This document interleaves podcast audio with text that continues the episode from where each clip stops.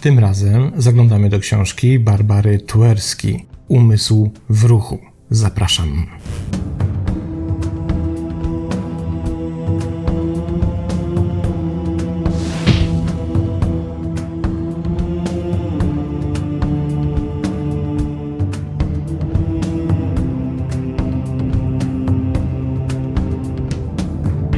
I jak zwykle sprawdzimy, kim jest autorka dzisiejszej książki.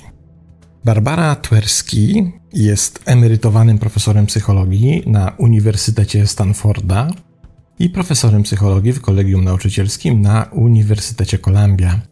Jest także prezesem Towarzystwa Nauk Psychologicznych. Twerski opublikowała ponad 200 artykułów naukowych na temat pamięci, myślenia przestrzennego, projektowania i kreatywności oraz regularnie przemawia na temat ucieleśnionego poznania na interdyscyplinarnych konferencjach i warsztatach na całym świecie. Miała przyjemność i przywilej współpracować nie tylko z psychologami, ale także językoznawcami, naukowcami, filozofami, informatykami, projektantami, artystami i nie tylko. Mieszka w Nowym Jorku.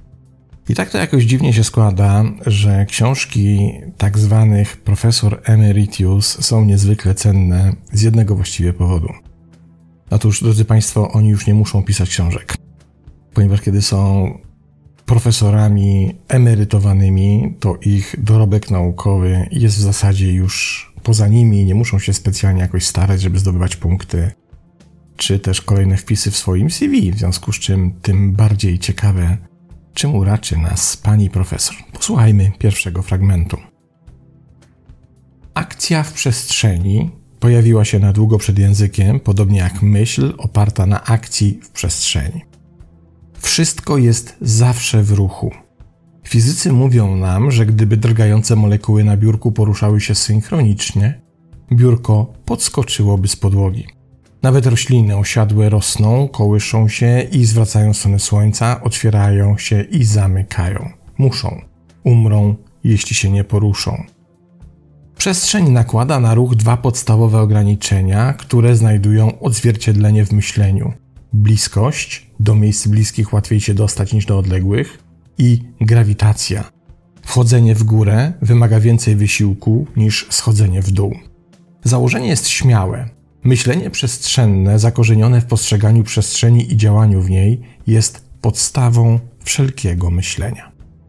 Podejmując decyzje dotyczące nawigacji, oceniając odległość lub kierunek lub szkicując mapy, ludzie mogą wyciągać wnioski zarówno jawne, jak i ukryte. To sprawia, że ocena przestrzenna i nawigacja są tym samym, co rozwiązywanie dowolnego problemu.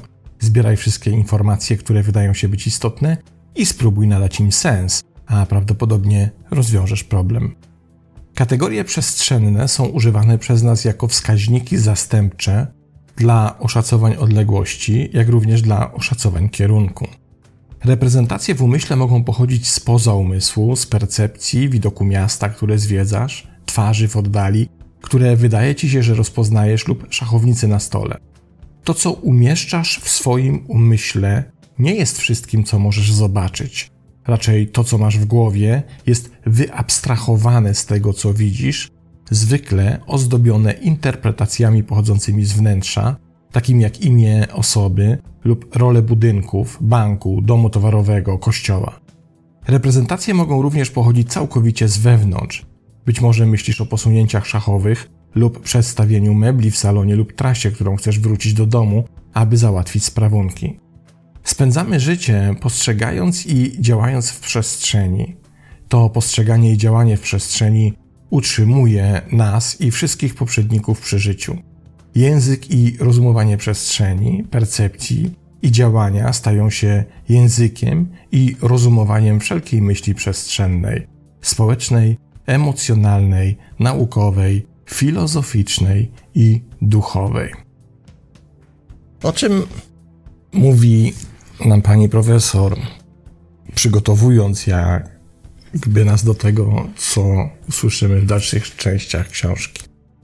Otóż my organizujemy nasze postrzeganie przestrzeni za pomocą pewnych znaków, których ta przestrzeń nam dostarcza. W związku z tym organizowaniem przestrzeni wiemy, jak się w niej poruszać. Na przykład, kiedy jesteśmy, nie wiem, w ciemnym labiryncie, w ciemnościach, no to raczej, żeby oddać pole ostrożności, będziemy się w niej skradać, niż pewnie z podniesioną głową kroczyć. Kiedy jesteśmy na otwartej przestrzeni, idziemy sobie przez park czy przez las, będziemy się poruszali zupełnie inaczej niż w przywołanej ciemności. A zatem ta reprezentacja przestrzeni w naszej głowie organizuje to, w jaki sposób my się w tej przestrzeni poruszamy. To, w jaki sposób się poruszamy w przestrzeni, będzie miało widoczny skutek w naszym ciele. Inaczej to ciało ustawiamy, jak się skradamy, inaczej jak idziemy z podniesioną głową. Inaczej ciało układamy, kiedy jesteśmy zamknięci w sobie, a inaczej, kiedy jesteśmy otwarci, mamy rozpostarte ręce. I tutaj następuje niezwykła ciekawostka, której właśnie dotyczy ta książka. To działa również w drugą stronę. Czyli nasza reprezentacja przestrzeni, którą budujemy w głowie, odbija się na tym, w jaki sposób my poruszamy naszym ciałem i w jaki sposób nasze ciało się porusza, ale jednocześnie to, w jaki sposób poruszamy ciałem, w jaki sposób to ciało się porusza, będzie reprezentowało to, w jaki sposób będziemy myśleli. Bo to jest nieustanna pętla. To jest ze sobą nieustannie powiązane. Jedno wpływa na drugie, drugie wpływa na jedno i tak dalej bez końca. Dlaczego to jest takie istotne? Ponieważ, jak słyszeliśmy w ostatnim zdaniu, to ma swoje konsekwencje nie tylko na poziomie mentalnym i na poziomie formułowania konstruktów myślowych. To ma również swoje konsekwencje na poziomie emocji. Ba, to ma również swoje konsekwencje na poziomie duchowości. A zatem to ciało, a raczej to, w jaki sposób my to ciało układamy, w jaki sposób my zarządzamy jego ruchem, będzie miało niezwykle ważny wpływ na to, jak na przykład będziemy sobie radzili z emocjami. Ba, to ciało będzie miało niezwykły wpływ na to, w jaki sposób my będziemy zdolni do rozwoju duchowego. W jaki sposób my będziemy mogli budować nasze umiejętności percepcji, mindfulness, uważności itd., tak itd. To jest tak naprawdę rzecz, wydawałaby się oczywista, a jednocześnie my totalnie na to nie zwracamy uwagi. My totalnie nie zdajemy sobie sprawy z tego, że ciało reprezentując naszą percepcję przestrzenną, jednocześnie jest fundamentem tego, co się będzie działo w naszej głowie i tych konstruktów, które w tej głowie będziemy sobie popełniali. Kiedy będziemy przytłoczeni, kiedy będziemy przygarbieni, kiedy to ciało będzie ciążyło w stronę Ziemi, to trudno się spodziewać, że będziemy mieli super wspaniałe myśli i że będziemy super kreatywni i że będziemy mogli realizować nawet takie zamierzenia, które wydają się bardzo trudne i prawie że niemożliwe do realizacji, bo to ciało będzie blokowało nasze możliwości kreatywne, naszą sprawczość i wiele, wiele innych rzeczy. Są takie teorie, które mówią, że po ciele nawet widać tendencję naszego umysłu. Jeśli nasz umysł jest osadzony w nieustannym rozpamiętywaniu przeszłości, w nieustannych wspomnieniach, w nieustannym rozdrapywaniu naszych ran, to to również będzie widoczne po pozycji naszego ciała, po tym w jaki sposób będziemy chodzili. Będziemy chodzili w zupełnie inny sposób niż w sytuacji, kiedy nasz umysł jest pogrążony w tym, by wyobrażać sobie przyszłość, kiedy, mówiąc inaczej, jest sfokusowany na tym, co się dopiero wydarzy. I dokładnie tak samo, zupełnie inaczej będzie wyglądało ciało człowieka, który jest osadzony w teraźniejszości, który jest pełni uważny, który funkcjonuje tu i teraz, który funkcjonuje w taki sposób, że jego głowa jest dokładnie w tym samym miejscu, co jego ciało. I to ciało, ruch tego ciała, który tak często pomijamy na który tak często nie zwracamy uwagi, jest przedmiotem tejże książki. Więc myślę, że warto przyjrzeć się, cóż też oferuje nam w kolejnym cytacie. Posłuchajmy. Zaskakujące odkrycie jest następujące. Widzenie bez działania nie zmienia postrzegania. Jeśli ludzie są wożeni na krześle i wręczane jest im to, czego potrzebują, jeśli nie chodzą samodzielnie i nie sięgają po przedmioty, nie przystosowują się do soczewek pryzmatycznych. Następnie po zdjęciu soczewek zachowanie biernych podopiecznych jest normalne. Żadnego grzebania w oczach, przecierania, brak zawrotów głowy. Umysł nie przystosował się do soczewki, więc po jej zdjęciu błyskawicznie wraca do poprzedniego stanu. Zatem to działanie, to aktywność zmienia percepcję. Jeśli jesteśmy bierni, nasza percepcja nie podlega zmianie. Ponieważ aktorstwo zmienia percepcję, nie powinno dziwić, że aktorstwo zmienia zasady funkcjonowania naszego mózgu. Zostało to wykazane wiele razy na wiele sposobów, zarówno u małp, jak i u ludzi. Oto podstawowy paradygmat. Daj zwierzęciu lub jakiejś osobie duże doświadczenie w używaniu narzędzia, następnie sprawdź obszary mózgu, które leżą u podstaw percepcji ciała, aby zobaczyć, czy teraz rozciągają się poza ciało, obejmując również to narzędzie.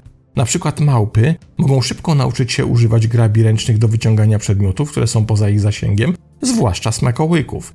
Po tym, jak nabiorą biegłości w posługiwaniu się grabiami, obszary mózgu, które śledzą obszar wokół dłoni podczas jej ruchu, rozszerzają się, obejmując zarówno dłoń, jak i grabie.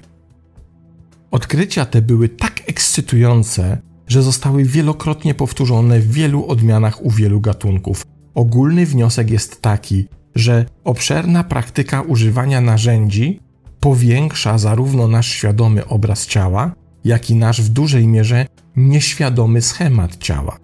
Dowody dotyczące działania są wystarczające, aby ogłosić, że działanie kształtuje percepcję.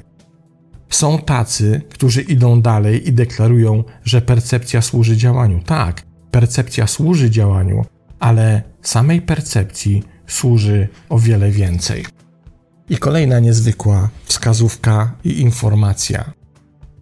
Nasz mózg jest tak skonstruowany i na podstawie swojej percepcji rzeczywistości operuje w taki sposób, że kiedy ciało pozostaje bierne i w spoczynku, on tej percepcji nie jest w stanie zmienić. Dlaczego to jest takie istotne? Ponieważ każda życiowa zmiana jest efektem wyniku zmiany percepcji. Jeśli chcesz, żeby cokolwiek w Twoim życiu się zmieniło, musisz po prostu inaczej spoglądać na rzeczy, które widzisz do tej pory. Na siebie, na swoje emocje, na system zarządzania sobą, na system samoorganizacji. Każda zmiana wymaga zmiany percepcyjnej. I teraz autorka mówi, co następuje. Żadna zmiana nie jest możliwa, jeśli nie towarzyszy jej działanie. Jeśli pozostajesz bierny, to ta zmiana nie nastąpi. I teraz mamy odpowiedź na pytanie, dlaczego tak wielu ludzi fascynuje się na przykład wielkimi wystąpieniami motywacyjnymi. Oto idziesz na super festiwal mówców motywacyjnych i słyszysz o tym, że możesz sięgnąć gwiazd, że sky is the limit. I ty o tym słuchasz. I wracasz do domu, jesteś podekscytowany, że przecież teraz wielka zmiana, wielka zmiana musi w twoim życiu nastąpić. Ona nie następuje. Dlaczego? Ponieważ zmiana nie jest efektem tego, co wiesz, ale zmiana jest efektem tego, co robisz. Zmiana się pojawia tylko wtedy, kiedy nasze ciało jest w ruchu, kiedy nasze ciało jest w działaniu. Kiedy nie ma działania, nie ma ruchu, nie ma zmiany. I to jest kolejne wyjaśnienie dla tego fenomenu, że ludzie, którzy czytają naprawdę setki książek o duchowości, na przykład, znają wszystkie możliwe mistyczne trendy, wszystkie możliwe mistyczne tradycje, rzucają nazwiskami wielkich mistyków, jak z rękawa, i znają odpowiedź na wszystkie możliwe rzeczy.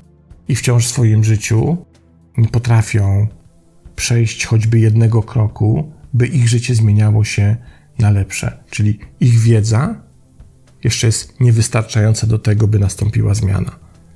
Bo zmiana następuje wtedy, kiedy działamy. Bez działania, bez ruchu nie ma zmiany. Kiedy wożą cię na krześle i wkładają ci do rąk wszystko, co potrzebujesz, twój umysł nie przyzwyczai się do soczewek. Fascynujące, prawda? Posłuchajmy kolejnego fragmentu. Oglądając ludzi, nawet z daleka, zawsze wiesz, co się dzieje. Wiesz, co robią i wiesz, co czują. Szczęśliwi, źli, energiczni, niespokojni, nie musisz tego słuchać. Znasz ich intencje, znasz ich relacje na odległość. Jedna para skuliła się ramię w ramię, inna stoi wyprostowana i osobno. Widzisz ludzi w rozmowie, Jedna głowa przechyla się pytająco, ktoś pochyla się do przodu pewny siebie, inny odchyla się do tyłu, ustępując miejsca. Jeden potrząsa pięścią na drugiego, drugi się cofa. W jednej chwili te wymiany energii są powolne i zrelaksowane, inne są szybkie i intensywne. To, co robią inni, mówi ci, co masz robić. Idziesz na koniec kolejki w teatrze, omijasz zespoły naprawcze naprawiające dziury, przechodzisz przez ulicę, aby uniknąć bójki. A wszystko dzięki temu, że właściwie jesteś w stanie odczytać informacje płynące wyłącznie z obserwowania ruchu ciała innych osób. To jest absolutnie fascynujące. Weźmy gestykulację. Czy nie pomaga ludziom myśleć? Ci, którzy gestykulowali, odpowiedzieli poprawnie na więcej pytań niż ci, którzy tego nie robili i odpowiadali szybciej. Ci, którzy gestykulowali, wyciągali dokładniejsze wnioski, byli lepsi w odpowiadaniu na pytania z perspektywy, której nie znali. Aby podkreślić znaczenie gestów, poprosiliśmy w badaniu inną grupę uczniów, aby czytali i zapamiętywali opisy siedząc na rękach. Rzeczywiście ci, którzy siedzieli na rękach, radzili sobie gorzej niż grupa, której pozwoliliśmy gestykulować. Co zaskakujące, gestykulowanie podczas czytania nie spowalniało czytania, mimo że ludzie robili dwie rzeczy jednocześnie. Robienie dwóch rzeczy jednocześnie ma zwiększać obciążenie poznawcze, obniżać wydajność, jednak nie dotyczy to gestykulowania i myślenia. Obserwowanie rąk ludzi, którzy czytają i rozumieją to, co czytają, przypomina obserwowanie ich myślenia. To lepsze niż zaglądanie do ich mózgu. Wszystko wtedy staje przed oczyma i robi się jasne. Aby gesty były skuteczne, muszą odzwierciedlać myśl we właściwy sposób. No właśnie. Gestykulacja jest bardzo często przedmiotem rozważań tych ludzi, którzy zajmują się mową ciała i na przykład wystąpieniami publicznymi. I są dwie szkoły. Jedna, która mówi, jakie gesty powinno się wykonywać, a jakich powinno się unikać. I jest cała grupa ludzi, którzy się precyzyjnie uczą tych zasad, po czym występują publicznie dokładnie według tych zasad. I problem polega na tym, że kiedy obserwujemy takie występy publiczne, to precyzyjnie wiemy, że one są wyuczone, prawda? Jesteśmy w stanie błyskawicznie wyłapać, że to nie jest szczere, że to jest wypracowane. Że kiedy polityk robi tą swoją słynną piramidkę eksperta, to wiemy, że jakiś PR-owiec go tego nauczył i tak naprawdę żadnym ekspertem nie jest. Druga szkoła mówi: Niech gest towarzyszy Twojej myśli, niech będzie jej uzupełnieniem. Olej wszystkie te zasady wynikające z podręczników mowy ciała. Po prostu gestykuluj w taki sposób, w jaki czujesz. I co z tego, że to będzie niepoprawne? Co z tego, że to nie będzie zgodne z regułami? Co z tego, że to nie będzie odpowiednio opisywane w tych wszystkich podręcznikach? Ale to będzie szczere. To będzie naturalne. W ten sposób jesteś w stanie budować zaufanie tych, którzy cię oglądają. I to jest niesamowite. Czym są gesty? Czym jest gestykulacja? To również to poruszenie naszego ciała. To przecież ciało w ruchu. Możemy sobie za pomocą gestykulacji pomagać, co wykazały badania, więc powinniśmy z tego korzystać, a nie zamiatać gestów pod dywan, czy używając opisu pani profesor, rozmawiając z kimś, siedząc na własnych rękach. Nasze ciała otaczają ludzie, miejsca i rzeczy w zasięgu naszego wzroku. Są to bezpośrednie wpływy na naszą percepcję, na nasze zachowanie i na nasze myśli. W ułamku sekundy, zanim znajdziemy słowa, żeby to powiedzieć, wiemy, gdzie jesteśmy w domu, w supermarkecie, w parku. Wiemy, co jest wokół nas: krzesła i stoły, wózki sklepowe, paczki z jedzeniem, drzewa, huśtawki. Wiemy, kto jest wokół nas, co robi. Robi obiad, robi zakupy, huśta się. Wiemy, jacy są ludzie, możemy wyczuć ich uczucia, stan zdrowia na podstawie ich twarzy i ciał. Możemy ocenić ich status społeczny i ekonomiczny. Na podstawie ich ubioru i zachowania możemy zgadywać ich wiek, płeć, a nawet skłonności polityczne. My ludzie nosimy tak wiele naszych wnętrzności na zewnątrz. Rozglądamy się po naszym otoczeniu automatycznie i natychmiast, jeśli nie mamy zasłoniętych oczu i zatkanych uszu, nie możemy tego nie odebrać. Nie oznacza to, że zawsze mamy rację, ale to niezwykłe, jak często ją mamy. Esencja emocji, pozytywnych lub negatywnych, jest szybką destylacją istoty spoiwa społecznego, zbliżania się lub unikania. Ten podstawowy wymiar został namaszczony terminem z chemii wartościowością. W chemii wartościowość leży u podstaw wiązania cząsteczek, psychologii więzi międzyludzkich. Wartościowość emocjonalna jest świetnym reduktorem, świetną podstawą. Ciała przecież też wyrażają emocje. Ciała mają dużą przewagę nad twarzami, są większe. Ciała mogą mieć większą ekspresję, można je zobaczyć z większej odległości. Zwykle ciała i twarze współpracują ze sobą jako zintegrowane jednostki. Wygodne eksperymenty mogą oddzielić i wyrównać twarz i ciało. Kiedy twarz i ciało są zgodne, wyrażając te same emocje, nasze oceny są dokładniejsze. Jeśli twarz i ciało są niespójne, wyrażając różne emocje, ciało ma zawsze większą wagę niż twarz w ocenie tych emocji. Różne przejawy ślepoty na zmiany pokazują dwa ważne zjawiska. Odnosimy wrażenie, że odbieramy żywy, jasny, spójny i kompletny obraz świata, a tak naprawdę nie jest. W wielu przypadkach natychmiastowe wrażenie opiera się raczej na wnioskowaniu niż na percepcji. Jeśli jest to kuchnia, to ma zlew, lodówkę. Jeśli klasa, to oczywiście spodziewamy się tam biurka i białej tablicy.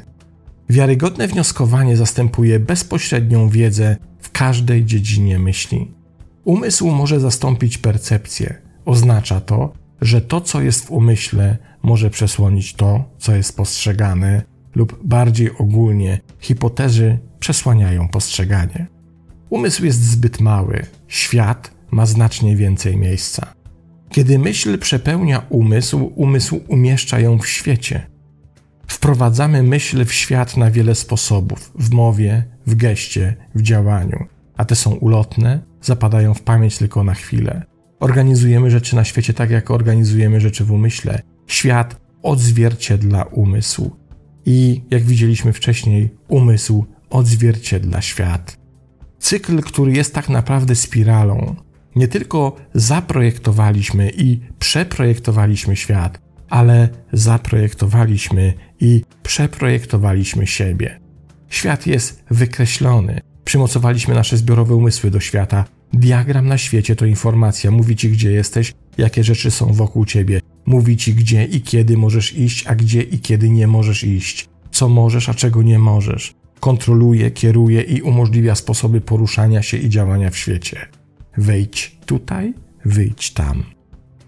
Zaprojektowany świat jest diagramem, który ujawnia swoje znaczenia poprzez miejsca i znaki w przestrzeni i kieruje naszym działaniem. Widok z góry jest mapą. Widok z wnętrza mówi nam, gdzie ludzie mogą chodzić, gdzie mogą jeździć samochody, autobusy i rowery, kiedy się zatrzymać i kiedy jechać, gdzie zaparkować, gdzie wejść, gdzie wysiąść. Wzory na naszych półkach z książkami, w szafkach i nakryciach stołów oraz na fasadach budynków wyrażają abstrakcyjne idee, kategorie, hierarchie, powtórzenia, korespondencje, porządki linearne. Organizujemy świat tak, jak organizujemy nasze umysły i życie.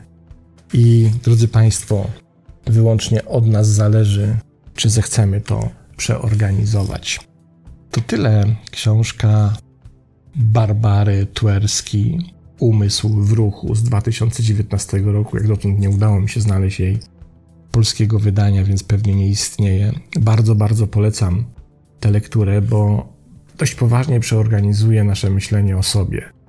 Okazuje się, że to ciało, którym poruszamy, jest niezwykle istotne w tym, jak myślimy, a to, jak myślimy, jest niezwykle istotne w tym, jak organizujemy nasze życie. To po prostu układ naczyń połączonych i dobrze jest o tym cały czas pamiętać. To tyle. Pozdrawiam i do następnego razu.